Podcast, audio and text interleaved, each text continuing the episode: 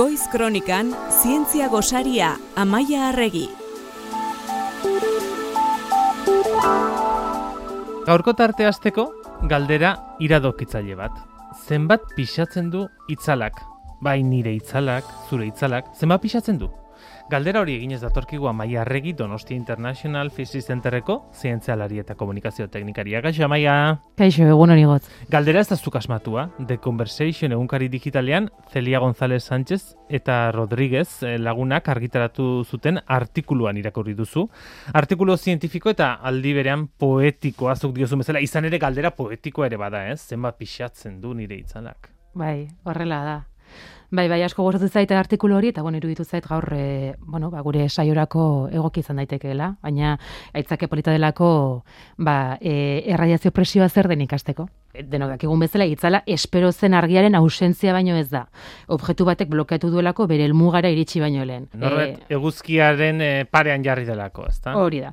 Argia zer den azaltza hor da, ez da inarrixa, eta e, hau, e, prometitze dizut, hau egun batean, tartea e, dedikatuko diogola fizikaren ikuspegitik argiari buruz, hola, e, sakonago hitz egiteari, bale? Baina bueno, modu simplifikatuan esan dezakegu argia fotoi ez dagoela osatua, e, energia paketeak dira eta partikula elementala da. Gogoratuko duzu neutrinoak element, e, partikula elementala direla esan genuela, ba e, e, argia ere partikula elementala da, fotoia partikula elementala da. Ez du masarik, baina bai energia eta beraz momentua. Bueno, zer da momentua? Fizikan erabiltzen den iduri e, arruntena da bilar mai batena. Vale? Bilar mai batean zu pelota baldin bauzkazu, bueno, e, bolak, e, bola batek besteak e, eri kolpe ematen dionean askotan gelditu egiten da eta momentua transferitzen dio, ezta? Bultzatu egiten du. Ba, hori da azken finean momentua, e, bultzatzeko gaitasun hori. Bai. Fotoiekin berdinak gertatzen da. Argizpi batean dauden fotoiek objektu bat argitzen dutenean bultzatu egiten dute objektu hori. E, hori ez daukago agian hain buruan, ezta? Baina ez, bai. Ez, eta presio harin bat eragiten dute bere gainean erradiazio presio deritzona. Eh? Hori da hain zuzen erradiazio presioa. Eguzkiak objektu baten gainean eragiten duen presio harin hori. Bai. Orduan, eguzketan jartzen garenean gure gorputzak sentitu egiten du eta itzalean gaudenean gainazalek ez du sentitzen presiorik ez direlako fotoiak iristen. Hau da, fotoi galera bat dago itzalean. Beraz, hortik galdera bat eratorri daiteke, egunez eta gauez berdin pixatzen aldugu? Ba, presio diferentzia hori pixuarekin kuantifika dezakegu. E, argizatuta gaudenean, e, pixua handiagoa sartzen dugu lurrean, edo baskulan, ilunpean gaudenean Aha, baino. Ba, bai. Zergatik? ba, bai, zergatik, ba, gorputzaren pixuari fotoiek transferitutako momentua gehitu behar zaiolako kontuan eduki behar da, berez pertsona edo objektu baten pixua, e, gure planetak erakarpen indarraren ondorioz sortzen duela. Eta argiak, masarik ez izan arren, energia du. Eta gorputzak presionatuz eta bultzatuz, ba, gravitatearen efektua areagotu egiten da, gorputz horrengan. Eta horrela, bueno, haute eman ezina izan arre, begibistan. Alegia ez dugu, dela ikaragarri kilo bat ez digula erantxiko. Ez, ez, dietan dagoen jendeak badaki oso ondo, egunez eta gauez bere baskulak ez duela olako... Alderik izaten. Bai. Nola jakin zen bateko aldea dagoen? Bai. Bon, erradiazio presioaren desberdintasuna infinitesimala da, eta argiak sortutako presio horren emaitza gutxi gora behera 0,00000 lau kilogramokoa da, amar zerorekin, bale? Amar zero aurretik lau. Hori da. Beraz, Ia, ia man ez zina Hori da, txiki txikia. Baina, noski, pixori utxala da pertsona da objektu arrundu baten kasuan, baina gauza asko aldatzen da gainazal zabalezari garenean. Aha. Adibidez, Chicago bezalako hiri baten kasuan, bere dimentsioengatik, egun da berrogei kilo gehiago pixatzen du egunez, gau ez baino, edo Iberiar penintxula egunez, egun da goita maika tona pisutxoagoa da aurreko astean aritu ginen erlatibitatearen teoriaz, nola Einsteinek asmatu zuen. Eta hau, hau zeinek, zeine pentsatu zuen horrela, nore e, Bueno, ba, James Clerk Maxwell fizikari ingelesa izan zen, e, bueno, oso oso famatua da e, Maxwellen ekuazioak berak egin zituen, e, elektromagnetismo osoa biltzen dute ekuazio hauek, e, eta e, ekuazio hauetan aurre ikusten da e, argiaren presioa.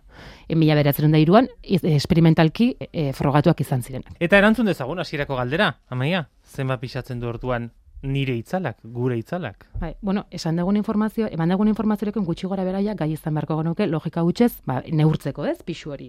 Osea, azkenean, e, balantza batekin neurtu dezakegu 0,000 lau hori, ez? Eta orduan badakigu, ba, gure itzalaren pixua izango dela, e, galera berdina izango da, baina, claro, azalera berdina baldin badaukagu, ez? Hau da, guri eguzkak ematen baldin badigu, e, inklinazio batekin gure itzalak gure e, tamaino berdina izan dezan, esan dezakegu, ba, presio berdina izango dela, eta orduan e, itzalaren pixua e, berdina izango dela. Baina, Koloren eragin zer hitz egin nahi zen Bai, karo, bueno, badakigu e, argitxuriak barruan dituela kolore guztiak, ba, bueno, e, Pink Floyden portadan ikusten dugun bezala, Dark Side of the Moon. Ba, horrek asko lagundu du visualizatzen argitxuriak barruan dituela kolore guztiak, ez?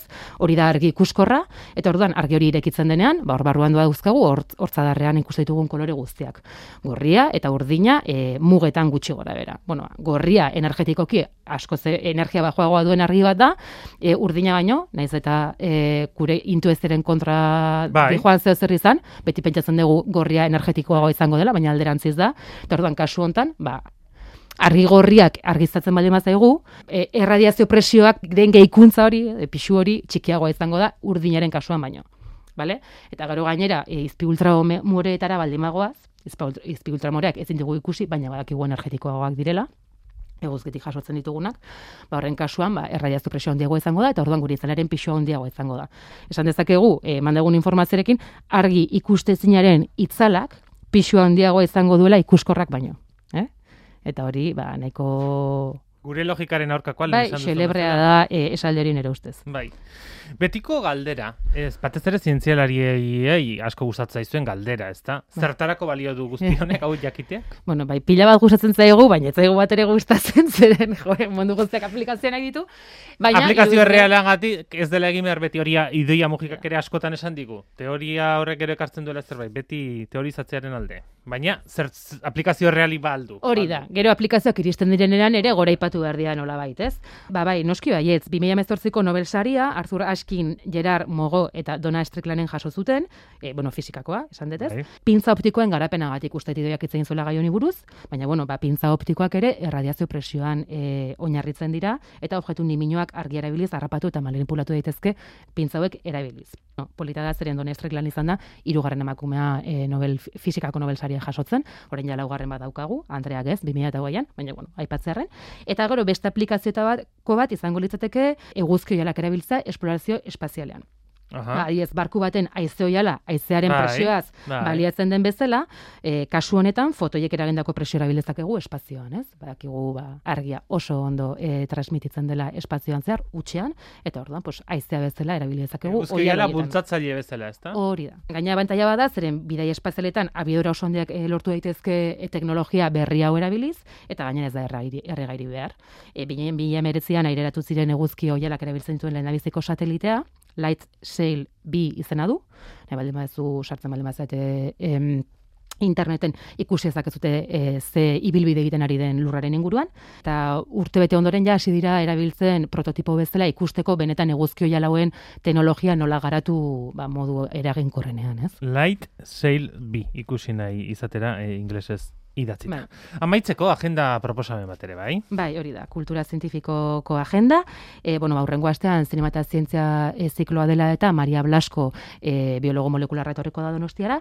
E, alde batetik, zinema eta zientzia zikloan parte hartuko du, Hope pelikula aurkeztuz, mm -hmm. e, pelikula Maria Sodal zuzendariak egindako pelikula bada, norbegiarra da, eta bueno, minbizaren inguruan hitz egingo da. Ostiralean izango dugu donostian eta larun batean Bilbon, Eta gainera ostiralean tabakaleran zetaretoan e, itzaldi bat emango du. El origen de las enfermedades. Bueno, Mariaren ikerketa talde, e, taldea gaixotasunen oinarri molekularrak ulertzen saiatu da azken urte hauetan, izugarrizko, bueno, aurkikuntza aintzindariak egin dituzte gai hontan eta e, ba ez ere zartze prozesuak gaixotasunek egin duen harremanean. Eta ordan bos bueno, iruditzen zait e, publiko orokorrarentzat oso interesgarri izango den itzaldi bat izango dela.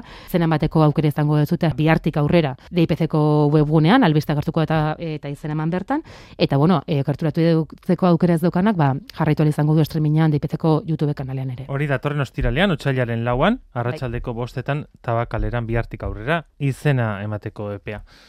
Ba ez dakit, hemen argi ez daukagu oso zuzena, eta beraz, e, itzala hondirik ere ez dugu egiten, baina baina gaur ikasi dugu.